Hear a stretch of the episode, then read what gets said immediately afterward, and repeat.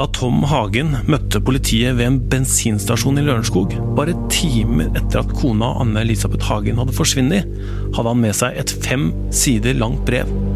Brevet var fullt av trusler om hva som ville skje med kona med mindre han betalte en formidabel sum med løsepenger. Og pengene skulle betales i kryptovalutaen Monero. Hagen sa til politiet at han fant brevet da han kom tidlig hjem fra jobb fordi han var bekymra for kona. Politiet mener det er Hagen selv som har skrevet det, eller at han har fått noen til å skrive det for seg. Trusselbrevet er fortsatt et av politiets viktigste bevis i Lørenskog-forsvinningen. Og nå har de bekrefta at de gjør nye analyser av brevet. Hva sto i dette brevet? Hva kan språket avsløre om avsenderen? Og hvorfor mener krimkommentator Øystein Milli at brevet ser ut til å ha en skandinavisk forfatter, mens politiets språkeksperter mener funnene peker bort fra Skandinavia? Dette er Krimpodden i VG. Jeg heter Tor Erling Tømt Ruud.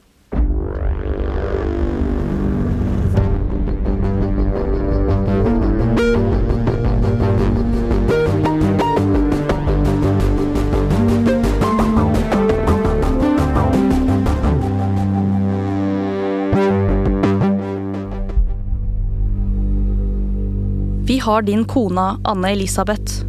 Om du vil se henne igjen, du vil lese og følge instruksjoner perfekt. En normal reaksjon vil være å ringe politiet, så dem kan hjelpe finne henne.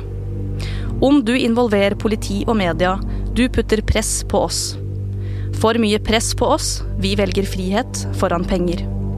Vi tar ned risiko ved drepe og kvittes med kropp til Anne Elisabeth og forsvinne.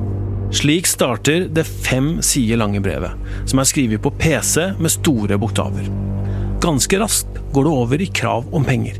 Som du kan gjette, vi krever penger for return Anne-Elisabeth i live. Ingen cash on hand, ikke vår problem. Du selger assets eller låner fra bank hvis du ikke vil din kona skal dø. Neste side, du vil se hvordan betale. Avsenderen krever 9 millioner euro som den gang, i oktober 2018, tilsvarte 85,9 millioner kroner. Dette er penger avsenderen mener milliardæren Hagen har, for som det står i brevet, er Anne Elisabeth Liv verdi 4% av dine penger. Brevet fortsetter med en detaljert liste over hvordan Hagen skal betale ut løsepengene i kryptovaluta, og kodespråket han skal bruke for å kommunisere med de påståtte kidnapperne. Det avsluttes med trusler om hva som vil skje hvis han ikke gjør som de sier. Vis du setter penger over Anne Elisabeth liv. Vi vil laste opp video av hennes siste minutter på website om en tid. Noen vil sikkert finne og vise til deg. Tom Hagen ble råda av politiet til ikke å betale ut løsepengene. Sommeren 2019 fikk Hagen et nytt pengekrav, ifølge VGs kilder. Denne gangen valgte han å betale 10 millioner kroner for å få bevis på at kona lever, men han fikk ikke noe svar. I april i fjor ble Tom Hagen sjøl sikta for drap eller medvirkning til drap på Anne-Elisabeth. To år og tre måneder etter forsvinningen har Lørenskog-saken status som et uoppklart drap hos politiet. Flere av dere som hører på Krimpodden, har sendt inn gode spørsmål og innspill på akkurat dette med trusselbrevet. Dere har bedt oss om å gå nærmere på språket, og hva det kan fortelle oss om avsenderen. Vi skal ta tak i noen av de mailene litt seinere. Men først. Øystein Millie, krimkommentator i VG. Forrige gang vi i Krimpodden prata om dette brevet, så sa du at du var tøff nok til å si at du trodde det var en norsk forfatter. Noe som er det motsatte av det politiets språkeksperter mener. Dette må du utdype.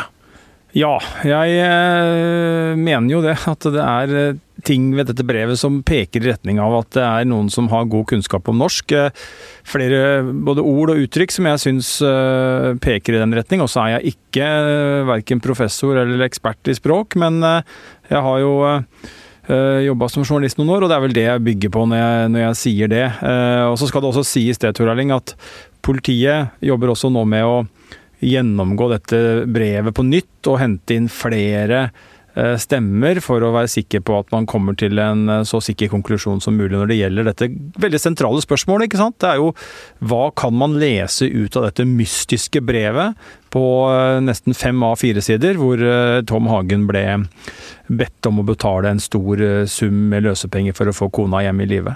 Ja, og vi skal gå enda grundigere til verks i akkurat dette her. Og Øystein, du har snakka med en språkekspert i Sverige. Hva var det hun sa?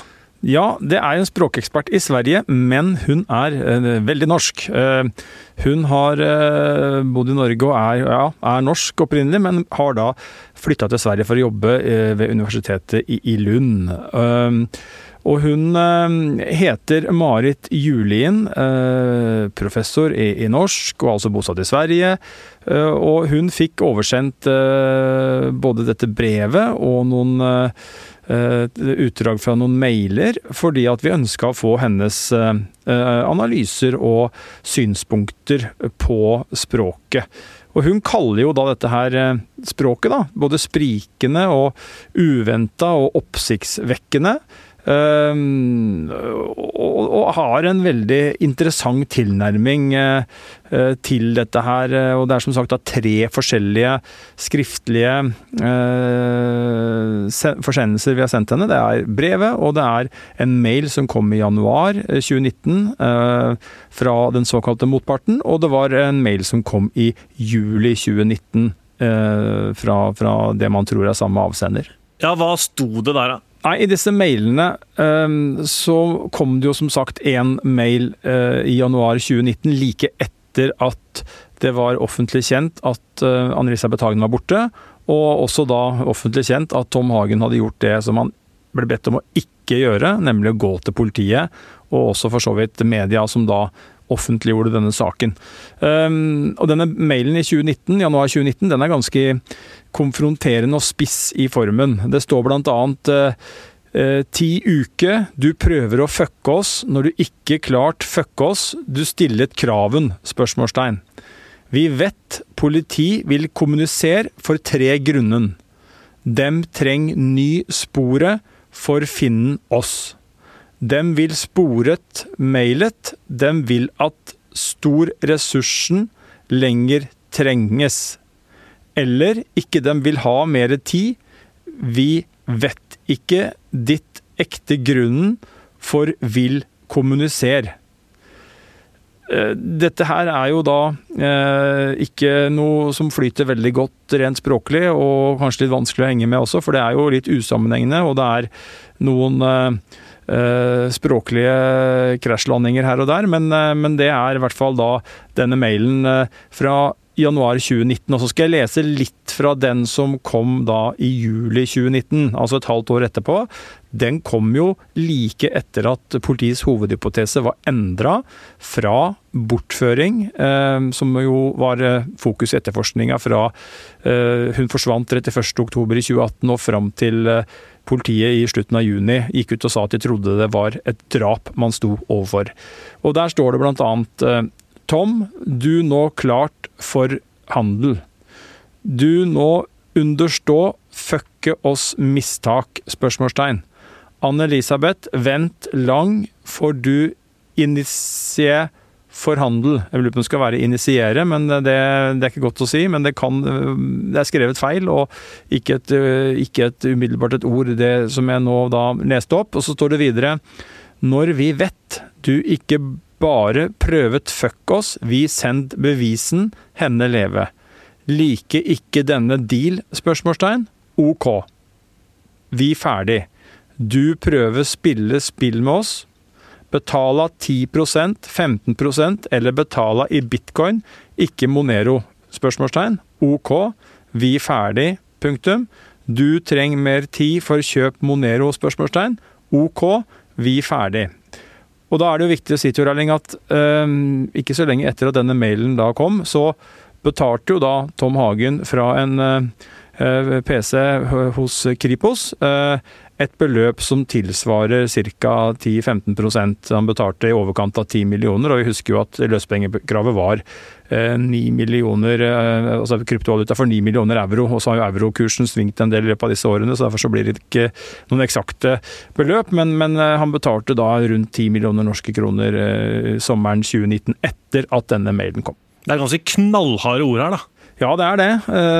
Det er det. og det som jo også er veldig interessant, er jo at øh, øh, språkprofessor Julien hun hadde mye interessant å si både om brevet og mailene. Og noe av det som jeg syns var mest interessant, var de tankene hun hadde om forskjellen på brevet og mailene. Hva er ditt førsteinntrykk av dette såkalte bortføringsbrevet? Det første inntrykket der er at det har en påfallende blanding av forholdsvis avansert norsk, noe som, skrive, noe som, har vært skrevet av noen som behersker det norske språket bra. Men det er også innslag som tyder på eh, en, en skriver som har eh, låg kompetanse i norsk med mindre kompetanse i norsk. Så det er litt merkelig å, å se det i samme tekst. Sånn da, Det er det som er påfallende med det. Hva tenker du om det, da? Ja, Det, det er jo vanskelig å se for meg hvordan eh, det kan ha blitt sånn som det er. da. Det, det jeg ser, er jo den blandinga. Det kan jo ha vært noen som har eh, tenkte først som, som har prøvd å gi inntrykk av å ha litt begrenset kompetanse i norsk, men som ikke helt har klart å gjennomføre det. Eller så kan det jo ha vært flere forfattere, kanskje. Det, det er jo umulig for meg å si noe sikkert om det. Det jeg ser, er at det er den her eh, blandinga. Det er et sånt sprik mellom sånt som er elementære feil, og sånt som er avansert grammatikk. Hva prøver avsenderen å gi uttrykk for, eh, tenker du? Det, det, er jo sånn som det er veldig vanskelig for meg å gjette, men jeg ser jo bl.a. på sånne verbformer som, som er eh, helt uh, ubeide når du sender penger, f.eks. Uh, og, og samtidig så, så, ser jeg at ja, det er brukt konjunksjoner, f.eks. For, eksempel, for å si det litt grammatisk. Både om og, og hvis. og for eksempel, og det, det, slo meg jo særlig, det tyder på noen som, som behersker norsk bra. Det finnes også uh, setninger her som er uh, ganske avanserte. Da. Så, så, så, intensjonen bak, eller hva som ligger bak, det er, det, jo, det er jo ingenting jeg kan se i teksten. Det jeg ser, er at det er det her spriket som er påfallende. Er det noen andre ting som du finner oppsiktsvekkende og uvanlig ved dette brevet, sånn rent språklig, da? Ikke så uvanlig, men jeg finner f.eks. en, en um, dems her, som kan tyde på at det er noen som har gatt godt kjennskap til talemålet på det sentrale Østlandet, vil jeg si. Ja. Det, det er uttrykk som litt og litt, som kanskje betyr at den som har skrevet det, er eh, ganske god i norsk. Hvilke eksempler uh, finner du på dårlig språk uh, og vanlige feil hos så, såkalte innlærere? Jeg finner elementære feil som 'din penger', f.eks. 'Vår problem' i stedet for 'dine penger' og 'vårt problem'. Og det er jo sånn som man, som man ofte ser hos folk som er i ferd med å lære seg norsk, da. Eh, eller skandinavisk generelt. Eh, så det, men den som har sånne enkle feil, skulle da eh, det, det er overraskende at den som har sånne feil, samtidig får til eh, avanserte setninger som når Exchange spør til hvilken adresse osv. Så var vi jo så vidt inne på det, men, men du finner jo en del uttrykk som du vitner om god kjennskap til norsk, det norske språket. Så som eh, vi velger frihet foran penger, kanskje. Eh, holde øye på. Eh, litt etter litt, kanskje. kan så klart, står det. Eller da er det så klart. Det er kanskje noe man ikke det første en lærer seg. Det er jeg helt sikker på, men det, det, er jo en del som, som høres ut som uh, idiomatisk norsk, som det heter. da. Sånn som man hersker når man kan norsk bra. og som sagt en del mer avansert syntaks som man som er veldig uvanlig å finne i samme tekst som det her 'din penger', som jeg sa. Mm. Da må du forklare til lytterne våre syntaks, for det er sikkert ikke alle som vet hva det er. Ja, Syntaks det er oppbygging av setninger, da, og det er noen setninger her som, er, som har en ganske så avansert oppbygning. Eh, som er noe av det, det siste man lærer seg når man, når man, lærer seg norsk, kanskje i grammatikken i alle fall. Så det er noen som har kommet langt i innlæring av norsk grammatikk her. Som, men som da samtidig skriver 'din penger', altså. Det er påfallende. Du finner både gode norske oppbygde setninger, men samtidig elementære sånn snublefeil som ikke skulle være naturlig. Det er det du tenker? Ja, det, det er veldig uvente å se dem i, i, samme tekst. De bruker ikke å opptre hos samme taler, da, for å si det sånn, eller hos samme skriver. Det er klart at det kan finnes Eh, unntak og tilfeller som er helt uvanlige. Så det kan si at det, det er i hvert fall veldig uvanlig å finne det her i, i samme tekst. da. Og så er det noe du mener virker svensk. Uh, hva da? Ja, det, det, var noe som kunne uh, få, føre tanker i retning til svensk, f.eks. Uh, betale, som det står her. Men så har vi det herre ordet 'hvis', hvis du ikke vil. Og en svenske ville aldri bruke det, for det forekommer ikke i svensk. På svensk brukes bare 'om'. Så da kan vi kanskje slippe det svenske sporet, da. Og så er det også innslag av engelsk her. Hva tenker du om det, da?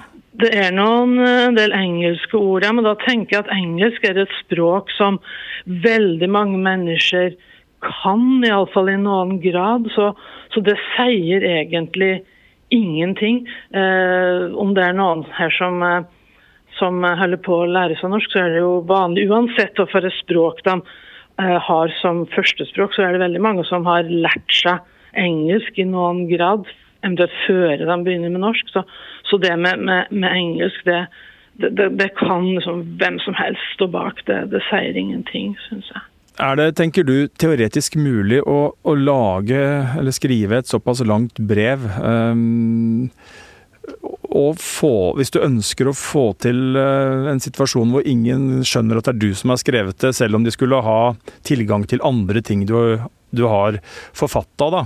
Er det mulig å, å, å, på en måte slette sine spor, holdt jeg på å si, i, i språklig form, sånn at det blir unikt og ugjenkjennelig? Det er jo vanskelig om en ikke eh, har innsikt i eh, de språklige trekka som en da skal eh, passe på å endre på. Eh, for en, en uten spesielle teoretiske kunnskaper om språk, så tror jeg det blir veldig vanskelig. Så Det, det en kunne tenke seg kunne ha skjedd da, i det her lange brevet, at det er noen som har prøvd å framstå som mindre kompetent i norsk enn den egentlig er. Og så har det sluppet igjennom noen mer komplekse konstruksjoner der, som den da ikke har eh, tenkt på at de kanskje avslører bedre ferdigheter i norsk. Det skulle en kunne tenke seg. Men det blir gjetninger. Det er jo ingenting jeg kan si noe, noe sikkert om. Jeg ser bare det, den eh, blandinga som blir resultatet av dette. Og så har jeg også sendt deg noen, eh, noen mailer eh, med litt mindre tekst, men Eh, den første er jo da litt lengre enn den andre. Eh, har du noen refleksjoner knytta til den mailen opp mot både språket i den, men også mot brevet? Ja, og i de to meldingene så er språket gjennomgående enklere. Et eksempel her, det står et stedet 'du vis godt vilje', 'vi vis godt vilje'. Og ingen Det kunne du ha stått 'hvis du viser', eller 'om du viser', men det gjør det altså ikke. Så, så her er Eh, språket mer gjennomført enkelt, vil jeg si. Ja. Jeg finner ingenting av det mer avanserte i dem her. Hva tenker du om det, da? Ja, altså, jeg kan jo, det, det kan si noe sikkert om, det og det jeg ser. Eh, man en kunne tenke seg at noen som er forholdsvis svak i norsk, har skrevet det her uten hjelp, mens en kanskje har hatt hjelp med det, det lengre brevet. da, men, men, Eller at den som prøver å framstå som svakere i norsk enn den faktisk er, har fått det til bedre i de her eh, kortere meldingene. Men det blir jo gjetninger. Det, det kan ikke si noe sikkert. Er det, andre, er det andre særtrekk i de to mailene som du bet deg merke i? Bruk av ord eller uttrykk eller setningsoppbygging? Det står et hur her, da. Hur mer lange. Som igjen uh, kan peke mot svensk, men eh, hva som er forklaringa på det, det er, det er, jo umulig å, å si her. Hvis vi skal prøve oss på en oppsummering ut fra det du leser her, hva slags person ser du for deg at har skrevet uh, dette? Nei, Man kan tenke seg at det kanskje har vært flere personer involvert. At det ville være en rimelig forklaring på det. At det er flere som har samarbeidet om det lengre brevet. Uh, mens de her kortere meldingene uh, er skrevet av noen som faktisk har litt mer begrenset kompetanse i norsk. Da, for de er mer gjennomgående svakere. Og kanskje har vært alene, da? Kanskje, ja. Det fem sider lange brevet har også en rekke begreper som stammer fra finansverden. Og for oss som ikke er helt inn i kryptovaluta, bitcoins og Monero, så er det ikke så lett å bedømme innholdet på akkurat det. Eh, er dette skrevet av noen som virkelig har greie på sakene, eller henger det ikke på greip? Hva tror du, Øystein? Nei, Det er klart det er vanskelig for oss som ikke har filla peiling eh, på bitcoin, kryptovaluta Eh, Monero å lese så veldig mye ut av dette sporet. Det er komplisert, men eh, det virker jo, syns jeg, dette brevet å ha skrevet, være skrevet av noen som har en viss kjennskap til eh, finansterminologien, i hvert fall. Sindre Hopland er økonomijournalist i E24 og holder til her i VG-huset. Han har mer greie på dette her enn oss. Ja, Sindre. Du har jo skrevet en del om kryptovaluta, og du har lest dette trusselbrevet. Hva er dine tanker? Førsteinntrykket mitt var vel at eh, det virka som noen hadde kjørt en tekst gjennom Google Translate, for så å gjøre teksten enda dårligere etterpå, med litt uh, skrivefeil her og der. Uh, det var liksom førsteinntrykket av selve teksten. Og så er det jo noen økonomiuttrykk her, eller det er ganske mange faktisk, som vi lurer på om du har noen refleksjoner rundt. Det er jo ikke sånn at det lyser typisk siviløkonom eller børsanalytiker av det som står her. Eh, kanskje litt mer som et slags børsforum på nett eller på Facebook. Eh, det er jo noen uttrykk som ikke brukes av folk flest. Det er det jo. Hva da? Nei, alt ifra altså, I dagligtalen så tar man, snakker lite om å ta ned risiko eller eh, KYC, altså Know Your Customer. Eh, eller over the counter eh, cryptocurrency exchange. altså alle disse tingene er jo ting man ofte hører fra, ja, fra de som investerer, da, enten i verdipapir eller, eller, kryptovaluta. Er det mulig å si noe om en mulig avsender ut fra det du, du ser om uh, språk og ord og vendinger knytta til uh, økonomi og finans? Altså er det en som har god peiling? Jeg tror alt som står i det brevet, slik jeg leste det, kan man jo ganske enkelt google seg til. Jeg tror ikke det krever Det kreves ikke mange dager holdt jeg på, internett for å så eh, for, for, å kunne ja, bruke bruke denne terminologien. Men eh, det er jo tydelig at han kjenner til utfordringene knytta til å kjøpe så store mengder f.eks. Monero, da, som er den kryptovalutaen som, som, det snakkes om her. Så personen, om han ikke kjente til fra før, så har han iallfall lest seg opp. Um, så er det vanskelig å vite om han på en måte bare kaster rundt seg med uttrykk som han kjenner fra før, eller om, det er noe han har satt seg inn i. Dette bruken av eurotegnet foran summen, altså jeg ville jo sannsynligvis ha skrevet uh, 9 millioner euro med, ja, euro med bokstaver, liksom. Uh, hvor, men det er kanskje for jeg er veldig lite økonom, eller? ja, eurotegnet sånn foran, eh, foran, tallet er kanskje mer brukt i utlandet enn i, enn i Norge, uten at jeg har noe sånn uh, vitenskapelig på det. Men og blir ofte brukt i type forkortelser også på, på internett. Så Kanskje kan det tyde på at avsenderen ikke nødvendigvis er norsk, hvis man skal spekulere litt, men uh, Men cash on hand, da? Hva er det et uttrykk som Det er ikke et, uttrykk som jeg er spesielt uh, kjent med. Uh, man har hørt det, men, men, men, det er ikke sånn at man føler kan dra så veldig mye ut av det. Penger på hånda? Ja. nei, det, det, er jo tydelig at han har satt seg inn da i si for noen ulike måter da å gjøre transaksjoner, monere transaksjoner. Uh, Eh, og, og, har en del type typiske uttrykk da, som er vanlig å bruke. Um, men det som kanskje slår meg litt, er jo at hvis man skal Han kjenner jo på en måte til den personen han sender dette brevet til. Han, han, kjenner jo til Hagen. Og, og hvis man på en måte skal skrive en sånn instruksjon til en person som kanskje ikke kjenner kryptovalutaer og, og dette så veldig godt, så virker det litt spesielt egentlig å bruke sånne typiske uttrykk og formuleringer. Eh, hvis man ønsker at en person som på en måte er helt grønn da, på kryptovaluta, bitcoin, Monero, at, at, denne personen skal få til dette uten noe hjelp fra noen andre eller, eh, eller slikt, så, så, virker det litt rart da, å bruke alle disse uttrykkene. Ja, altså Sånn som du leser brevet og hvordan det er satt opp og hvordan dette skal fungere, så forutsetter det, som jeg forstår deg, at den som får brevet og skal gjøre disse handlingene, må ha en viss kunnskap. Ja, men ikke, ikke mer kunnskap enn at man kan google seg til det selv. Det er ikke, du trenger ikke noe, noen grad eh, eller noe utdannelse, men, men eh, jeg vil jo tro at det kanskje det var en mer folkelig måte å forklare dette på enn hva denne personen eller personene har gjort av dette brevet. Det virker som man har brukt litt, litt sleng og litt, litt type ja, Eh, ja, Sånn som man ofte ser da, for på ulike nettforum for, for kryptovaluta og den slags. Hva er egentlig kryptovaluta, Monero og, og bitcoin? Ja, Man kunne absolutt brukt, brukt, mye tid eh, og krefter på å forklare det. Eh, Vel, veldig enkelt så er både bitcoin og Monero er to typer ulike kryptovaluta. Begge er såkalt desentraliserte, eh, og de er digitale valutaer, hvor man bruker såkalt blokkjedeteknologi da, som et rammeverk. Eh, og både Monero og bitcoin de lar deg sende og motta eh, uten noe mellommann, uten noe, noe, bank, slik vi er vant til, men person til person, og du oppbevarer valutaen i en digital lommebok. Og så var det vært tema flere ganger i denne saken her, eh, om det egentlig er mulig, eller var mulig, får vi si, for vi skal jo tilbake igjen til 2018, og det er jo godt i tid. Eh, var det mulig å, å skaffe til veie eh, Monero for 9 millioner euro, og, og på betale det i løpet av rimelig tid, da?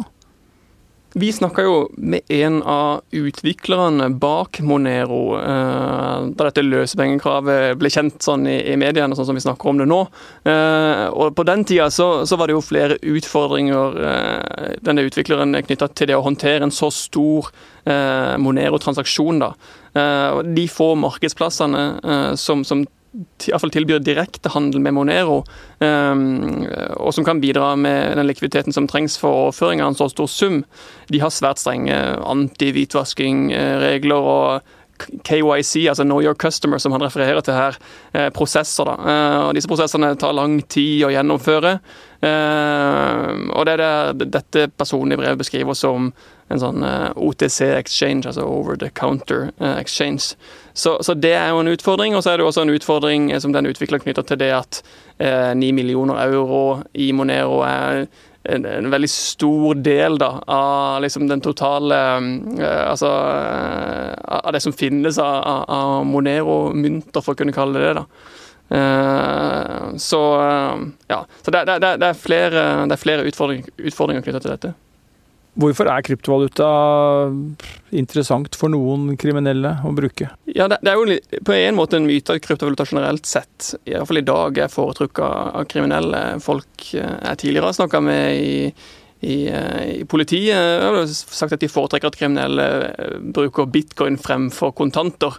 Det, fordi det er lettere å spore bitcoin. Men akkurat Monero er derimot litt vanskeligere å spore, for der bitcoin viser eh, transaksjonen og transaksjonshistorikken i et åpent nettverk som er permanent lagra, eh, så er jo både sender og mottaker og transaksjonen eh, skjult og, og kryptert da, i Monero. Så Derfor har Monero eh, blitt knytta til en, en del lyssky virksomhet.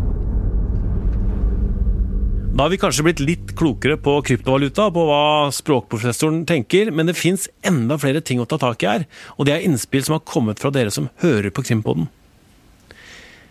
En oversetter skriver til oss. Dette mener jeg er et konstruert brev som har blitt skrevet på svensk i førsteutkastet, og deretter blitt endra til tilsynelatende norsk av en eller flere personer. Eh, hun peker på at det brukes engelske anførselstegn, som brukes også i Sverige, men ikke i Norge. Og det er en rekke svenske ord, som f.eks. efter og avdelning. Hun mener altså at de som har skrevet brevet, har prøvd å få det til å virke utenlandsk, men at det er gode norske ord innimellom som avslører det. Hva tenker du rundt det, Øystein? Nei, det er jo interessant, fordi at eh, jo flere øyer som ser på det brevet her, jo mer ser man jo. Eh, og nå var vi inne på det i stad, at eh, politiets språkekspert, eh, den første analysen politiet fikk, den, den utelukka eller i hvert fall eh, så det som lite sannsynlig at det var en skandinavisk forfatter. Og så har jo vi da vært i kontakt med Julien, som mener det motsatte, og vi har denne lytteren her, som jeg oppfatter som svært kompetent på språk, og som har gode eh, poenger, eh, og som uh, som gjør jo at dette, dette, brevet er jo dypt fascinerende, og, og, det er sikkert mange der ute som har lest det mange ganger om og om igjen, og forsøker å se om man kan finne noe som gjør at man kan gjøre seg noen tanker om hvem som har skrevet dette brevet. Og, og um, jeg syns jo absolutt at det som pekes på her, er uh, veldig interessant. En annen som vi har vært i kontakt med, som også er språkprofessor, men ikke i norsk, skriver til oss at den som har skrevet dette brevet, må være norsk. Eh, hun skriver at hvis jeg skulle gjette, så vil jeg tippe at den som har skrevet teksten, har norsk som morsmål, men kan engelsk og veit hvilke feil utlendinger som oftest gjør på norsk, og som også har kjennskap til svensk. Med andre ord, det er jo veldig mange av oss, det er vel sikkert fem millioner nordmenn det da, som, som, eh, som kan ha skrevet dette her. Ja, og dette er jo også litt i tråd med det uh, Julien, som jo kanskje ikke bare kanskje, men som er den fremste eksperten vi har snakka med, som faktisk er professor i norsk, sier, er jo at hun blir jo eh, overraska over at det er gjort enkle fotfeil eh, på, i språket. Helt sånn eh, veldig basic eh, ord om vendinger som er skrevet feil, men så innimellom så dukker det opp mer kompliserte ord, uttrykk, setningsoppbygninger som er nærmest tatt ut av den norske rettskrivningsordboka. Og, og, det er jo det som gjør at hun syns det er så sprikende og forvirrende, dette brevet. Og, og da tenker jeg at det professoren her er inne på, er jo noe av det samme. ikke sant? At det er eh, en som kan vite, kanskje, da, hvilken feil utlendinger gjør. fordi at disse feilene påpeker også Julien at finnes i brevet. Det er veldig komplisert. Eh, ei som har sendt oss en mail, påpeker at det er veldig bra tegnsetting i dette brevet. Eh, kommabruken er forbilledlig, det ser vi jo. Også, det er jo egentlig ganske påfallende. Hvorfor skulle de påståtte kidnapperne ha vært så nøye med komma i et trusselbrev, men når så mye annet er skrevet feil? Ja, det er den som hadde hatt svaret på det, hadde kanskje kunnet løst denne uh, usannsynlige gåten vi står overfor. Men, uh, men uh, jeg syns jo igjen da, at det Julien sier er svært interessant. Jeg har tenkt fram til i dag at det kanskje er en som har skrevet et brev, og så eh, vaska det flere ganger med tanke på å sette inn feil, eller å eh, legge inn formuleringer som gjør at du peker vekk fra deg. fordi at som juryen sier, så har vi et eh, ganske sånn ikke, Vi snakker jo ikke om et DNA-bevis, eh, at det er det språket vårt er, men, men det er ganske er, Det er ikke helt umulig å finne ut av hvem som har skrevet ting, hvis du har en del materiale å sammenligne med. og Hvis det er en brevskriver som har tenkt på det, så, så har jeg tenkt til i dag at det kanskje er en som har ja, gått gjennom dette, kanskje Google Translate, og så lagt inn masse manuelle feil og øh, holdt på med det en stund for å prøve å viske ut sine spor. Men, men, øh, men det er klart øh, Det er jo veldig fascinerende tanke det, det Julien har, har, lansert, og det er jo dette med at det kan være flere som da har bidratt i dette lange brevet. Flere forfattere, og det kanskje er årsaken til at det er Eh, motstridende når det gjelder både altså Tegnsettingen er god, mens det er basic norske ord som er skrevet helt feil. Vi skal ta med en siste ting som også kom fra en lytter, som er veldig godt observert. Eh, hvorfor putter man trusselbrevet i en konvolutt hvis du veit at det skal ligge igjen inni et hus? Eh, altså legge til en å putte det i en konvolutt vil jo legge til noen elementer som, som ja, mer risiko for å avsette fingeravtrykk da, eller DNA. Nei, altså, det er klart det, Tor Erling, at eh, Politiet har også helt sikkert merka seg dette med den konvolutten, og stiller det samme spørsmålet som vår uh, lytter gjør. Fordi at den er overflødig. Uh, Kanskje hadde det til og med vært lettere uh, å få Tom Hagen til å se uh, dette budskapet hvis man ikke hadde brukt en konvolutt. Uh, heller lagt disse fem arkene utover denne stolen som Tom Hagen sier at brevet lå på.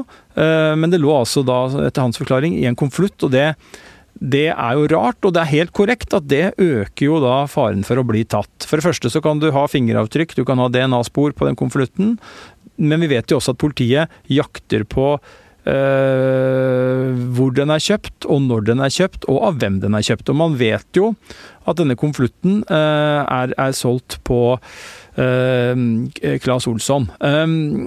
samtidig så er det ingen tvil om at politiet er en oppfatning av, av at brevet, kommunikasjonsformen, måten løsepengene skal betales på, Eh, det har man jo fått eksperter til å se på. Eksperter innenfor teknologi, kryptovaluta, både i Norge og utlandet. Og de tilbakemeldingene politiet har fått, er at man aldri har stått overfor en tilsvarende sak. Ekspertisen mener at man har med å gjøre eh, med en da, kall det en motpart eller eh, hva du vil, som har særdeles høy kompetanse innen teknologi, og som også viser ganske stor såkalt operasjonssikkerhet, eh, og som har teknologisk kunnskap som beskytter seg optimalt. Eh, og det handler jo da veldig mye om bitcoin og disse pengeoverføringene og hvordan man har kommunisert på mail. Og sett opp mot det, da, så blir jo denne konvolutten veldig rar. Fordi at eh, Hvis man er så profesjonell på det ene feltet, nemlig på det teknologiske, hvorfor da, som vi var inne på, bruke en konvolutt som bare tjener en hensikt, nemlig at den kan gi politiet ytterligere et spor på jakt etter en eller flere gjerningspersoner. Ja, dette brevet er utrolig fascinerende. Eh, vi legger ut den artikkelen hvor vi har publisert et sladda versjon av dette brevet på Facebook-sida vår også. Bare søk på Krimpodden eh, på Facebook, så kommer du inn på den gruppa der. Eh, politiet bruker mye ressurser på dette brevet, og har gjort nå også nye undersøkelser av det. Produsenter for denne episoden er Vilde Worren og Ingeborg Huse Hamundsen.